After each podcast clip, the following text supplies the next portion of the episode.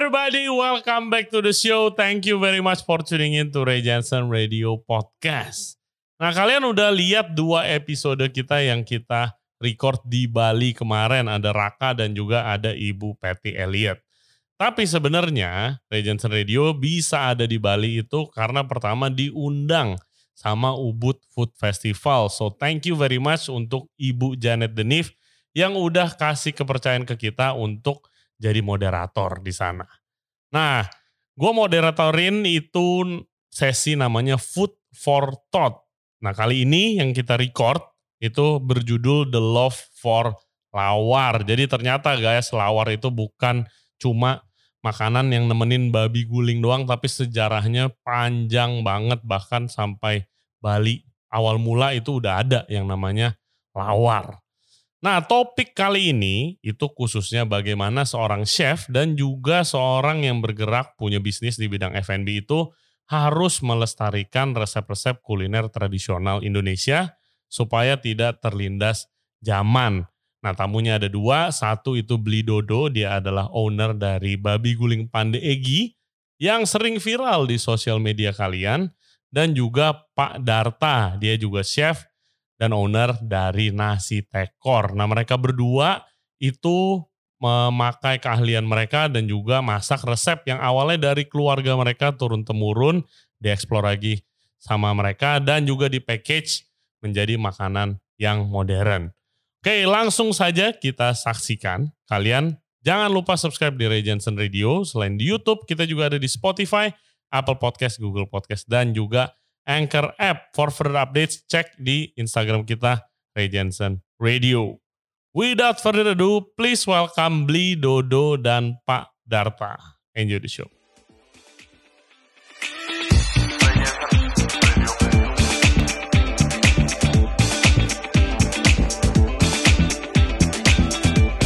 Nah, langsung aja kita mulai. Mungkin pertama dari Pak Darta dulu waktu awalnya nasi tekor ini filosofi di balik nasi tekor sendiri itu seperti apa Pak Data?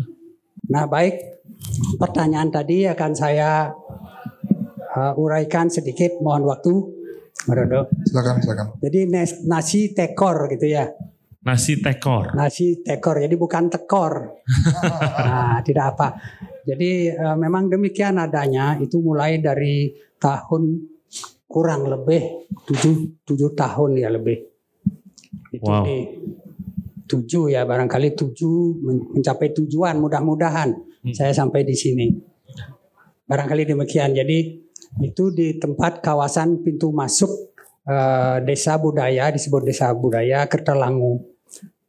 Itu lahan di depan itu miliknya Bapak Ketut Siandana jadi uh, almarhum ayahnya Wayan Kari hmm. itu kebetulan mengambil jodoh ibu dari kota jiwa belakang. Saya ada kaitan kerabat di sana. Saya menunggui lokasi tanah yang memang kalau dibilang istilah lama itu ada namanya karang suwung. Apa itu artinya? Apa ya? Kita berbagi sama Pak. Karang suwung artinya uh, sebuah tempat di mana sebelumnya sudah ada yang tinggal, cuman karena ada sesuatu dan lain hal ditinggal lagi oleh keluarga yang tinggal di sana. Dan akhirnya sampai sekian lama puluhan tahun ada yang meninggal yang yang menempati bapak. Oh, okay. yang datang untuk next sessionnya tinggal di sana sebagai Iya. Okay.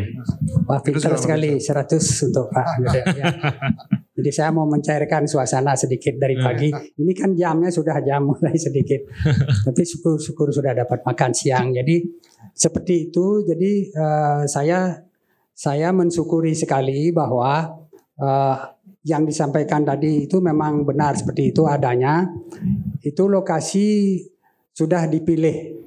Menurut saya saya diberkati untuk tempat seperti itu karena menurut saya yang sangat mendukung daripada apa yang nanti kita bicarakan adalah salah satunya sudah terjawab yaitu tempat. Tempat. Ya, place. Oke. Okay. Place ya. Ya, place. Ya, place ya. Jadi play P-nya itu. Nah, kemudian saya sambung uh, nah untuk mensyukuri itu karena beliau dulunya adalah kita semua awal-awal para orang tua itu berinteraktif di pasar. Di pasar. di Oke. pasar kebanyakan. Jadi hiburan di sana, tempat bertemu, tempat ada usaha apa pun itu interaksinya Di pasar. ya sampai jodoh itu. Jadi sehingga ini yang menyambung. Jadi wah saya dikasih tempat dulunya memang tidak seperti sekarang itu sawah jadi banyak terbengkelai tidak. Jadi pagi saya sudah eh, saya mencoba berbagi dari pertanyaan tadi itu eh, kaitannya nanti bagaimana satu usaha itu bisa berjalan. Jadi caranya adalah menghormati tempat yang diberikan. Itu intinya. Jadi berterima kasih dan mensyukuri bahwa eh, beliau dulunya berinteraksi di pasar. Jadi seolah-olah karena beliau saya anggap spiritnya masih ada. Iya. Memang secara fisik almarhum.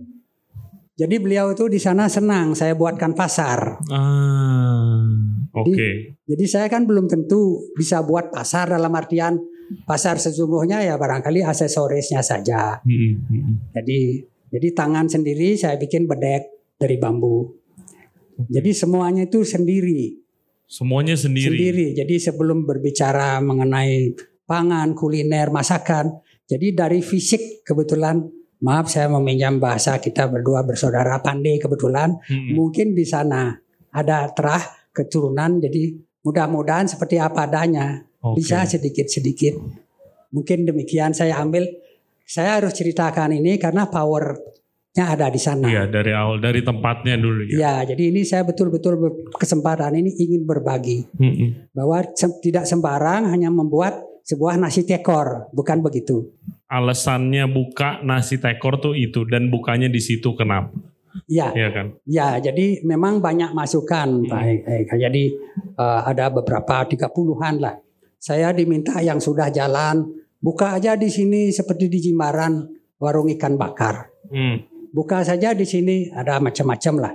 Tapi kenapa kok tidak satu pun saya ikuti supaya adil? Nah, tiba-tiba ada inspirasi nasi tekor. Ah, walaupun saya ditertawai sama anak-anak wajar karena mereka tidak tahu itu tek- tekor. Iya. Di dibilangnya lah tekor. ya. Jadi saya sempat menyandang nama pekak tekor. Jadi setiap hari mereka lalu lalang beramai-ramai ditertawain pekak tekor, pekak tekor. Oh, malah jadi ledekan ya. Ledekan. Jadi tapi saya suka karena anak-anak. Mm. Jadi saya seperti mereka saya panggil ke sini. Eh, bukan tekor, tekor ya saya bilang berkali-kali. Saya eh, eh, berkeluh kesah sama yang lain, jangan dah pakai nama nasi tekor ya. Malahan saya dapat marahan lagi. Nah, itu awal-awalnya eh, saya membuat nasi tekor. Eh, ternyata di tempat warung sekarang ini saya anggap itu perguruan tinggi tempat saya kuliah. Ternyata iya jalan, itu saya dapatkan sehari-hari. Oke. Ya nanti siapa pun datang, barangkali Bapak juga nanti hadir. Saya banyak bertama, banyak saya dapatkan pengetahuan di sana. Itu sebenarnya salah satu place-nya. Mari Luar kita biasa. sama-sama ya. Luar Seperti biasa. Nah kalau beli dodo sendiri, babi guling pandegi kan sekarang lagi terkenal terkenalnya nih. Ya, kan? tapi waktu awal mulanya itu gimana? Boleh diceritain dulu gak? Um, terima kasih, Chef dan saudara uh, hadirin sekalian. Um, babi guling pandegi itu sebenarnya uh, sebelumnya adalah resipi ya usaha kecil dari orang tua saya. Jadi di rumah orang tua saya punya perusahaan babi guling kecil yang cuma jual untuk upacara adat. Cuma jual utuhan aja, Chef. Upacara ad- khusus upacara ya, adat. khusus ya? untuk upacara. Jadi memang fokusnya kita ke sana aja dulu karena keterbatasan modal kita juga yang mengurus usaha itu cuma satu keluarga saja. Jadi kita memang belum bisa membuat warung banyak ide-ide dari customer pak kenapa nggak buka warung cuman karena kita keterbatasan modal alat dan banyak hal lah untuk membuka usaha warung. Jadi kita memang nggak bisa belum bisa selama 10 tahun itu buka warung. Jadi kita cuma jualan utuh saja. Nah di satu sisi juga eh, orang tua saya memiliki usaha industri rumah tangga seperti itu saya juga meniti karir di dunia perhotelan selama tujuh tahun. Dan itu pun di dunia food and beverage services. Jadi uh, di satu sisi saya selama bekerja juga membantu orang tua di rumah dan juga belajar banyak hal tentang kuliner. Hmm. Jadi basic-basic uh, tentang food and beverage product, food and beverage service. Selama tujuh tahun saya benar bekerja sambil belajar seperti itu. Dan sampai tahun 2016 saya putuskan untuk berhenti dan membuka sebuah warung kecil di tengah sawah. Dan itu pun uh, tengah sawah itu jalannya jalan baru karena sebelumnya itu memang sawah semua, belum ada jalan. Hmm. Dan itu kebetulan ada lahan kecil di sana. Jadi saya bangun sebuah warung kecil yang ada dapur, ada tempat makannya, ada tempat bikin minumannya dan itu pun sederhana sekali seperti itu. Nah, karena babi guling sih sudah banyak, chef. Di mana-mana babi guling itu di Gianyar apalagi ya. Hmm. Everywhere babi guling. Ada babi guling daerah Tegalang, ada daerah Gianyar, Payangan, semuanya memiliki style dan cita rasa berbeda-beda. Iya. Style jualannya seperti apa, bumbunya berbeda, uh, harganya juga berbeda. Nah, dari sana saya melihat sebuah potensi karena ada tempat dan membawa semua pengalaman saya yang udah saya pelajari selama bekerja di restoran. Buatlah saya warung kecil di tengah sawah dengan konsep agak berbeda dan juga harga yang sangat terjangkau seperti itu. Hmm. Jadi di satu sisi juga kita bikin produk yang bagus dan disukai uh, banyak orang dan sesuai selera banyak orang, kita juga menyediakan tempat yang unik. Yang unik ada sawahnya, jadi orang makan babi guling bisa di tengah sawah, nggak harus di pinggiran jalan yang banyak motor lalu lalang seperti itu. Nah, itu sih alasan saya yang paling kuat kenapa saya berani membuat warung di tengah sawah bahkan bukan di jalur utama seperti itu. Kaget gak dengan kesuksesannya sekarang Babi uh, Guling Pandegi? Di satu sisi saya juga sangat bersyukur pertama ya. Saya udah nggak nyangka sampai seperti itu uh, antusias customer saya untuk datang bahkan dari jauh-jauh dari Kuta datang untuk ke tempat saya untuk mencoba dan menikmati babi guling ya benar-benar bersyukur sekali cuman di satu sisi juga kita harus menjaga itu menjaga biar customer itu tetap senang bukan cari vibe awalnya aja, hmm. bukan cari gimmicknya aja. Jadi kita memang berusaha sediakan tempat yang bagus, yang nyaman. Di satu sisi juga kita kasih harga yang bagus dan kualitas makanan yang bagus. Seperti itu, Chef. Oke. Okay. Nah, ini kan topiknya keeping Bali's culinary heritage alive. Nah, kebetulan kan emang uh, bapak-bapak berdua kan yang praktisi hmm. kulinernya. Menurutnya, menurut bapak-bapak, kenapa kita harus menjaga tradisi kuliner itu supaya tetap hidup dengan cara masing-masing ya Pak Darta dari nasi tekor ya. dan juga uh, dari babi guling. Bro, bro, dodo. dodo. Boleh Pak Darta dulu. Kenapa kita harus menjaga tradisi kuliner? Iya, uh, ini pertanyaan luar biasa bagi saya karena ini mencakup luas sekali sebenarnya. Jadi menjaga itu seperti tadi disampaikan menjaga itu satu hal yang itu yang paling sulit sebenarnya. Hmm. Jadi bahasa menjaga ini adalah uh, mari kita bersama-sama itu dulu dan mau menjaganya itu dulu. Jadi yang kita tahu uh, Berbicara kuliner tradisional Bali, Bali itu sendiri kan sudah dari zaman penjajahan itu sudah dikunjungi oleh wisatawan. Betul. Jadi yang saya tahu pertama itu Hotel Bali, Bali Hotel itu di mana uh, di sana tumbuh.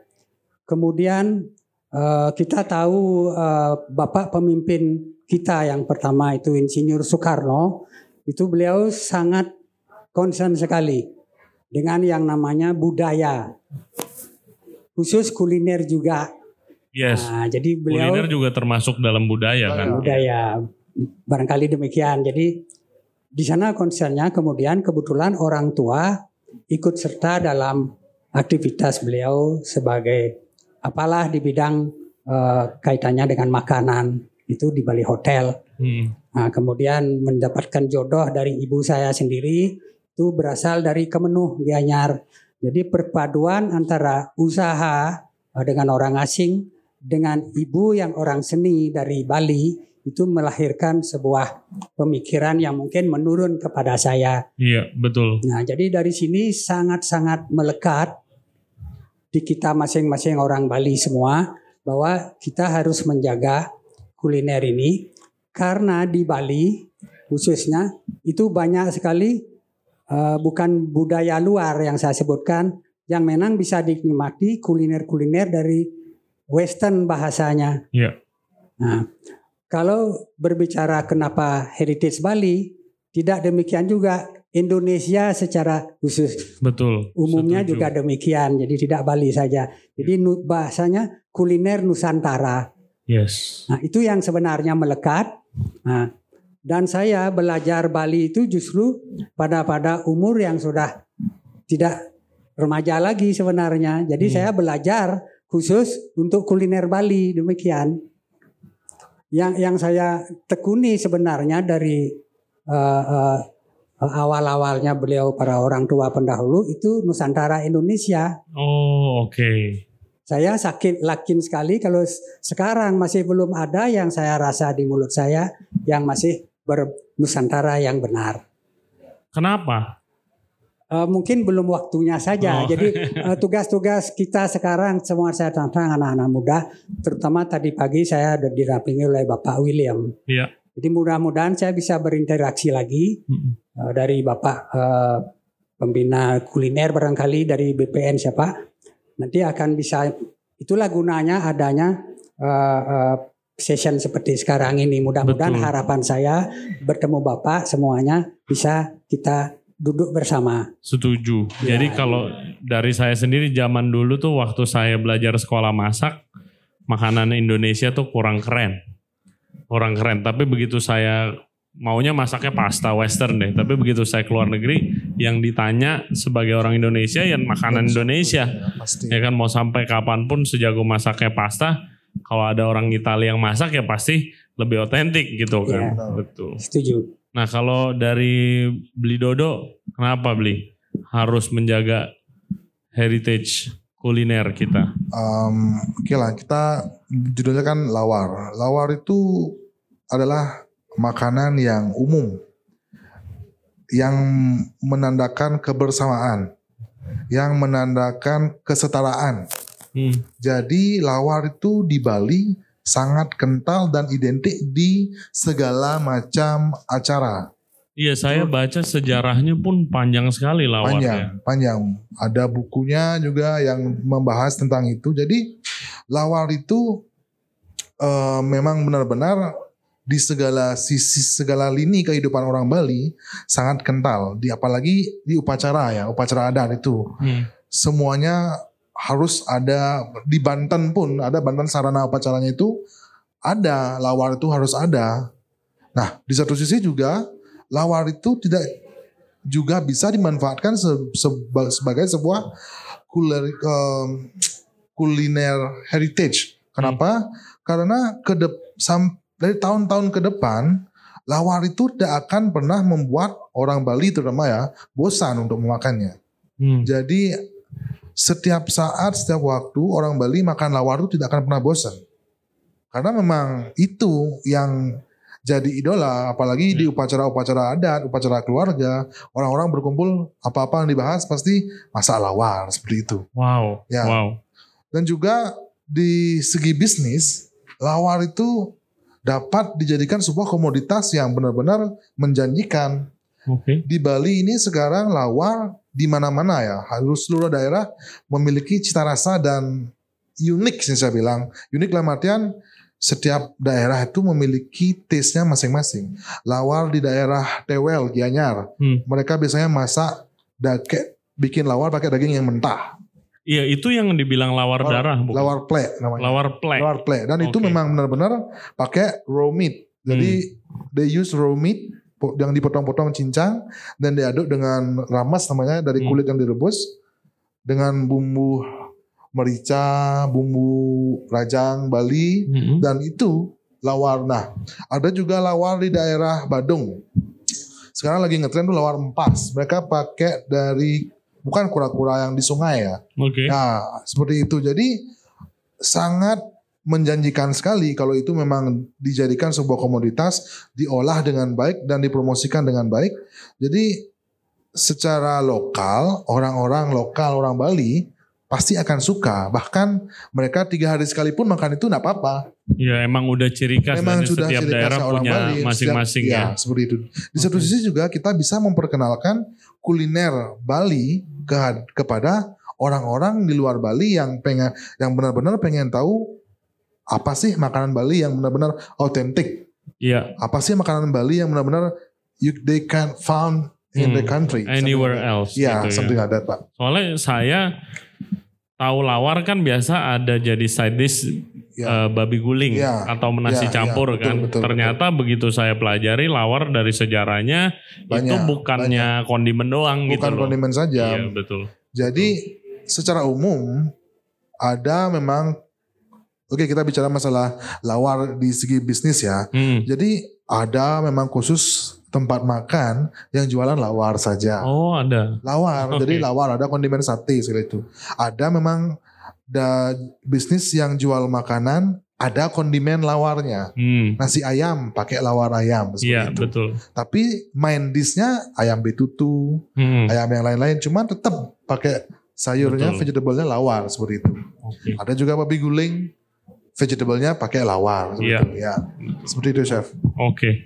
Nah, Pak Darto boleh ceritain ke kita nih eh beberapa hari yang lalu kan kita sempat ngobrol-ngobrol dan Pak Darto cerita juga tentang eh, sejarahnya lawar. Ya kan mungkin boleh di-sharing ke teman-teman di sini nih. Ya baik.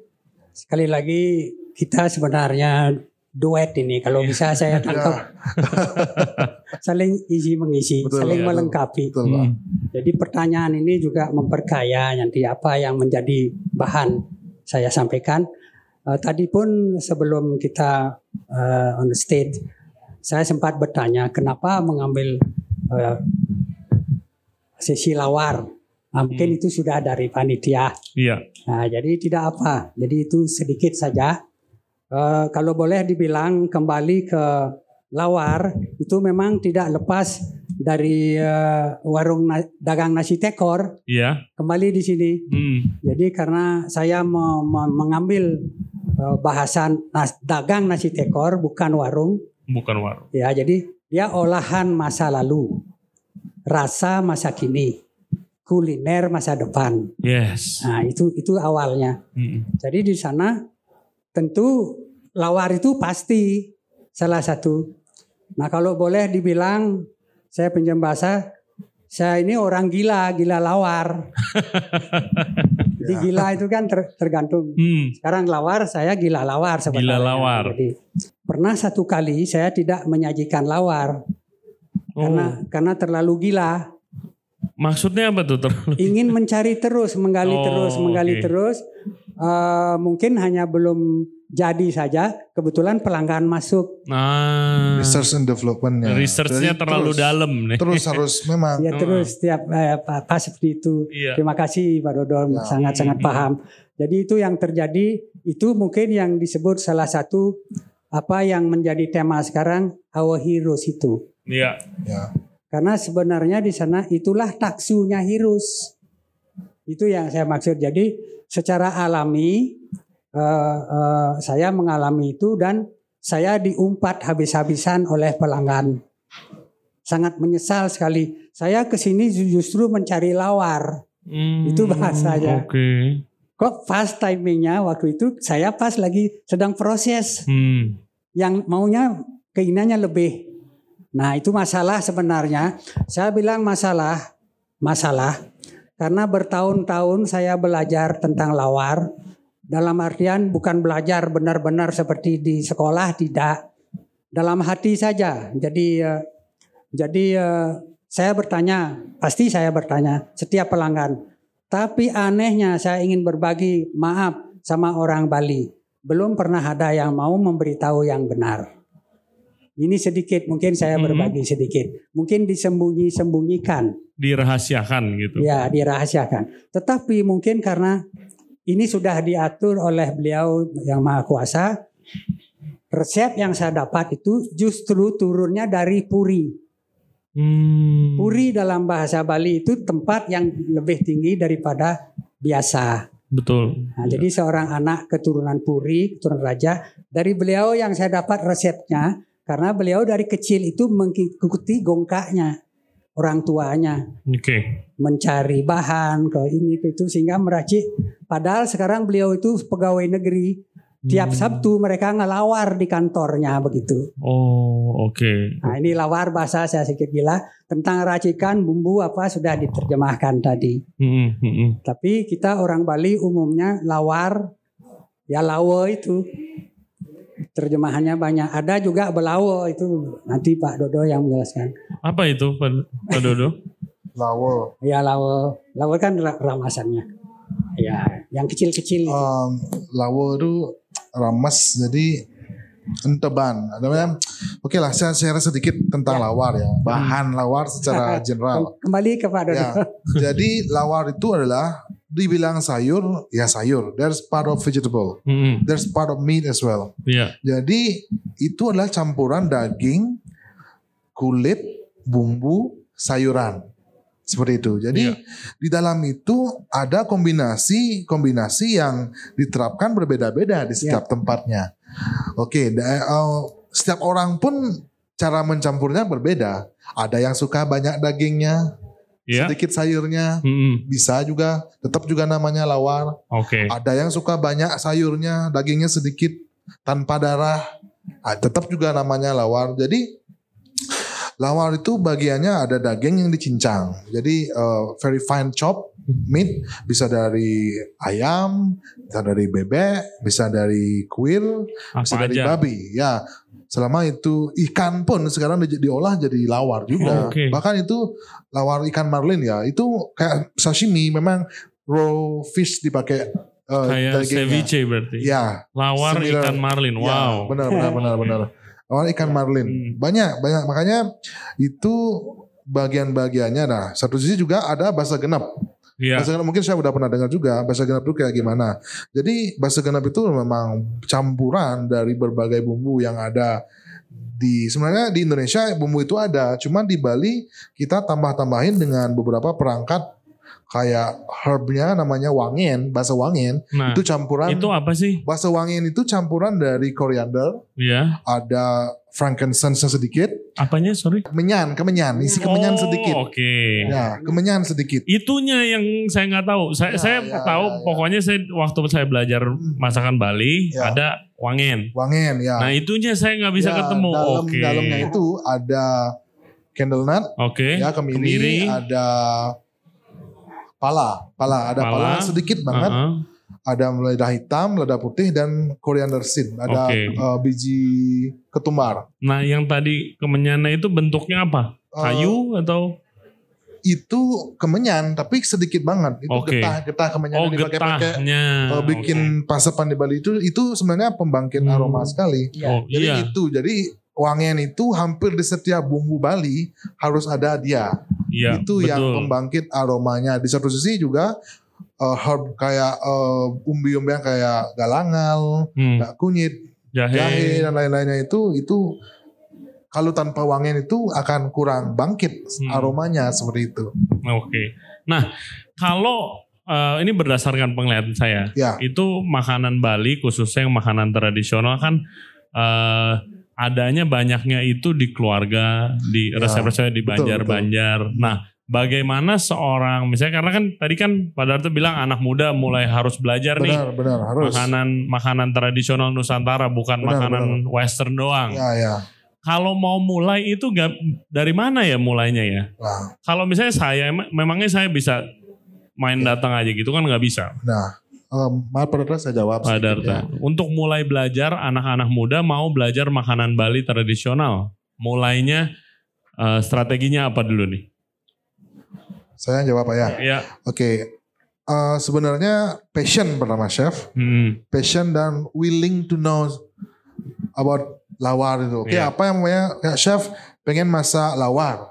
Chef harus tahu lawar itu apa aja isinya, betul. bahan dasarnya apa saja, apa filosofinya. Jadi tanpa kita mengetahui basic uh, knowledge about lawar, kita buat lawar bisa campur cuman ketika itu jadi apakah lawarnya seperti ini?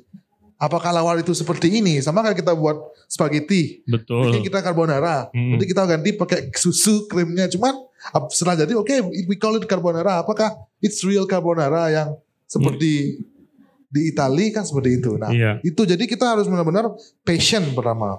Habis itu belajar belajar melalui proses yang panjang. Nah di Bali kenapa orang Bali itu masuknya biasanya eh, gampang belajar karena kegiatan adat di Bali hampir semuanya melibatkan banyak orang dan yang dikerjakan itu adalah membuat lawar, Iya. membuat masakan Bali. Oke kita bilang ada upacara ngaben, pasti ada acara masak, bikin lawar untuk sesajen dan lawar untuk makan seperti itu. Hmm. Jadi kalau karena saking seringnya kita involved di dalam itu, secara tidak langsung, secara general orang Bali itu udah tahu secara umum oh lawar itu isinya begini begini Isinya begini ini, ya. ini. Oh. Jadi kalau mau lebih dalam mereka harus mempelajari apa aja isinya, bagian bumbunya berapa persen dari sayurnya, dagingnya berapa persen dari sayurnya.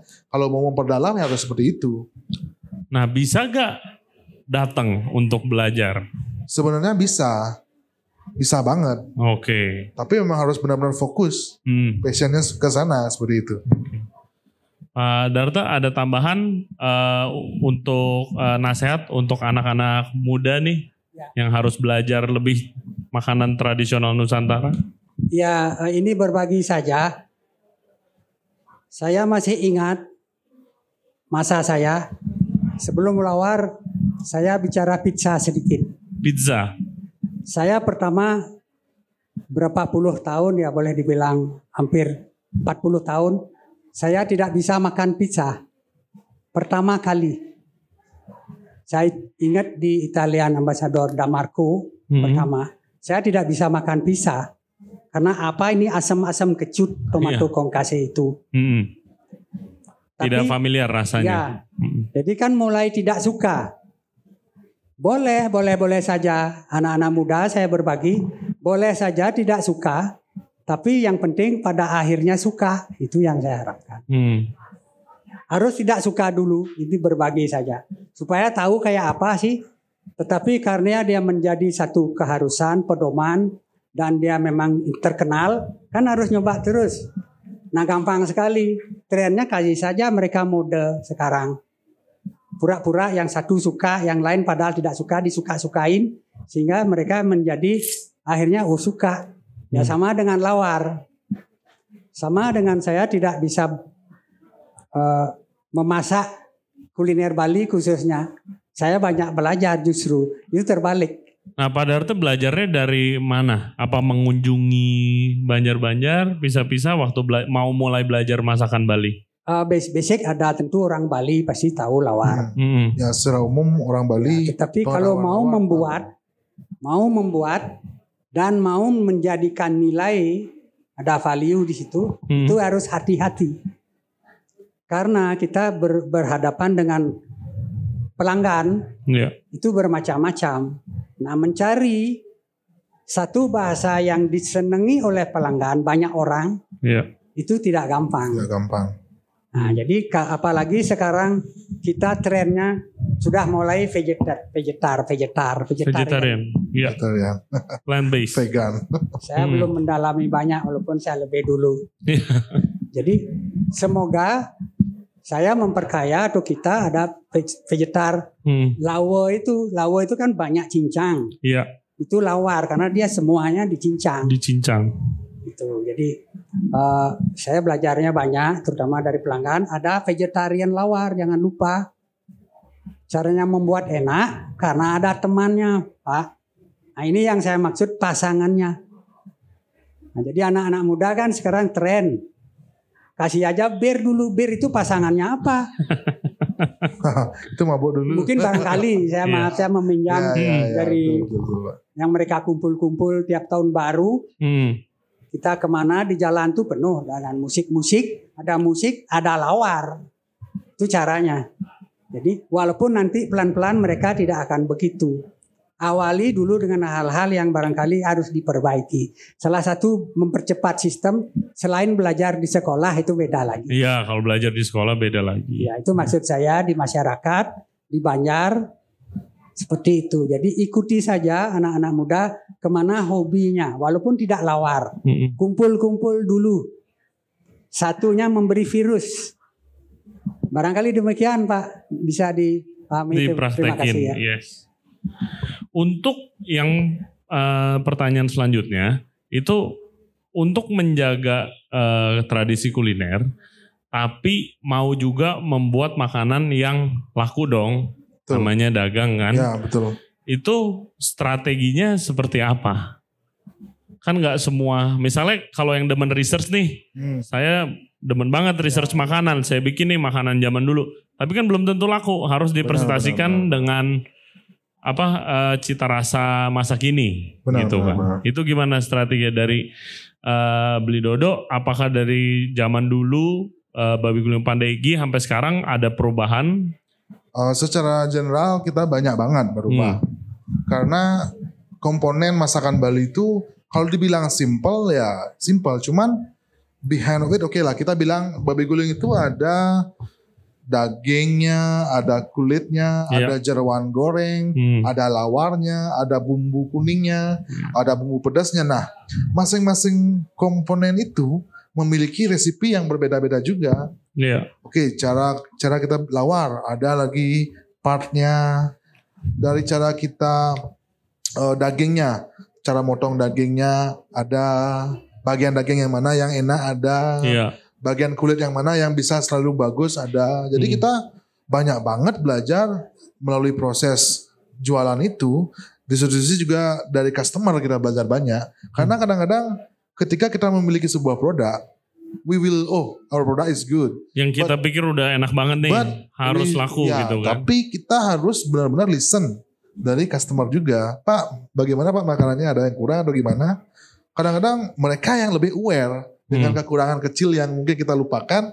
Nah, di sanalah kita mencari feedback sebenarnya. Kadang-kadang sih memang kalau ada komplain ada masukan itu karena kita belum aware aja, jadi agak sakit hati. Cuman Hmm. harus benar-benar di eh, pelajari lagi dan bahkan memang dijadikan acuan. Oh, di sini kita masih kurang. Oke, kita pelajari lagi apanya yang kurang. Kita develop lagi biar sampai benar-benar sesuai dengan selera customer seperti itu. Jadi dari cara menanam nasi, berasnya seperti apa, itu memang benar harus dipilih. Hmm. Nggak bisa sembarangan. Oke, beras apa aja kita pakai karena beberapa makanan berasnya nggak bagus. Kayak oke lah bilang babi guling lembek saja nasinya nggak enak. Nggak jadinya. enak. Iya. Seperti itu. Perlu yang sedikit perak. Betul. Makanya cara nanak nasi, cara ngerendamnya itu pun ada tekniknya masing-masing seperti itu. Hmm. Kalau dibilang simpel, oh kenapa simpel banget? Masa masa gini aja susah? Detailnya yang susah. Sama sekali nggak simple sih kalau saya Ya. belajar. Ya, seperti itu sih. Jadi kita memang eh, target marketnya biar bisa ngena dan customer itu tetap suka sama produk kita dan juga biar nggak mereka bosen kita kasih variasi seperti apa banyak lah model-modelnya seperti itu chef. Kalau babi guling va- variasinya Nah, apa? oke lah sebenarnya babi guling sih produknya simpel aja. Hmm. babi guling ya. Cuman kita customer itu sukanya style yang berbeda. Oke kita ada babi guling Tuh, Hmm. Jadi family style mereka Iya, makannya. babi Nggak kayak guling. porsian datangnya. Oh, wow. Oh, Ristaffel babi guling bisa. Kita ada nasi tumpang babi guling untuk birthday party juga bisa. Hmm. Seperti itu. Nah kita juga bisa kalau memang customernya ada yang biasanya oke lah babi guling pak I want have babi guling whole. Saya mau dipotongin di meja saya. Jadi mereka carving sendiri. Oh, carving sendiri. Ya di, di atas mejanya langsung makan. Presentasinya. presentasinya ya. seperti itu. Jadi itu yang kita olah. Jadi customer itu nggak bosan Hmm. dengan itu itu aja. Kalau kita kaku dengan style itu itu saja, customer pun ah gini gini aja. Hmm. Jadi ya itu sih yang kita lakukan selama ini. Oke. Biar oke. tetap customer tuh oh ada begini, oh ada model begini ya. Hmm. Tetap babi guling produknya, cuman stylenya yang kita bikin banyak seperti itu chef. Oke, wah itu jadi pelajaran saya banget juga tuh. Presentasinya yang Ya ya betul. chef. dikembangkan. Ya. Nah, kalau Pak Darto di dalam satu porsi nasi tekor itu komponennya ada apa saja? Ya. Jadi tadi sudah dipresentasikan dalam video Di video? itu nama nasi tekor itu dipakai memang tempat makan itu tekor beralaskan daun yang bentuknya segitiga. Hmm. Memang sepintas itu memang tempat dipakai untuk makan. Hmm. Nah, di di sana saya dapatkan filosofinya tekor. Pertama sebelum membicarakan isinya yang unsur-unsur tadi itu adalah kita lahir dari rahim itu. Bentuknya segitiga, itu ada lubang garbe namanya di sana. Hmm. Nah, itu kita pakai tempat makan beralaskan daun yang mana daun itu dalam cerita pewayangan itu menyerap bakteri. Jadi Krishna bilang makan saja racunnya sudah hilang. Oh, daun pisang. Daun pisang. Oke. Jadi secara tidak langsung jadi saya menyandang nama nasi tekor itu ternyata saya dapatkan itu. Jadi terbalik bukan itu saya tahu dulu. Nah, Oke. isinya adalah lima unsur panca indera itu. Hmm. Jadi seperti nanding canang dia ada indah dilihat itu mata. Iya. Penciumannya harum itu hidung. Kemudian enak sekali dirasakan ada rasa itu dari rasa mulut. Rasa mulut. Nah, terdengar nanti kriuk-kriuk di kuping itu kuping. Wow. Ya, jadi itu dia menjadi sebuah energi positif untuk menjadi sumber kehidupan rezeki. Itu juga diisi oleh segelas tuak manis untuk menjadi energi darah. Wow. Nah, itu awalnya kalau bisa berbicara kuliner makan itu sangat-sangat penting sekali untuk mengawali semua aktivitas itu melalui dari makanan. Dari makanan. Demikian kurang lebih, Pak. Luar biasa. Jadi em, terima kasih banyak nih Sama-sama. untuk eh, pengetahuan yang udah di-sharing ke saya dan ke teman-teman nih belajar banyak banget. Jadi eh, buat generasi-generasi muda teman-teman jangan takut atau jangan lama-lama buat belajar masakan Nusantara untuk eh, keeping the tradition our culinary heritage alive. Jangan lupa main-main ke tempatnya Pak Darte di Nasi Tekor dan juga Babi Guling Pandai Egi. Terima kasih banyak. Hmm. Terima kasih. Thank you semuanya.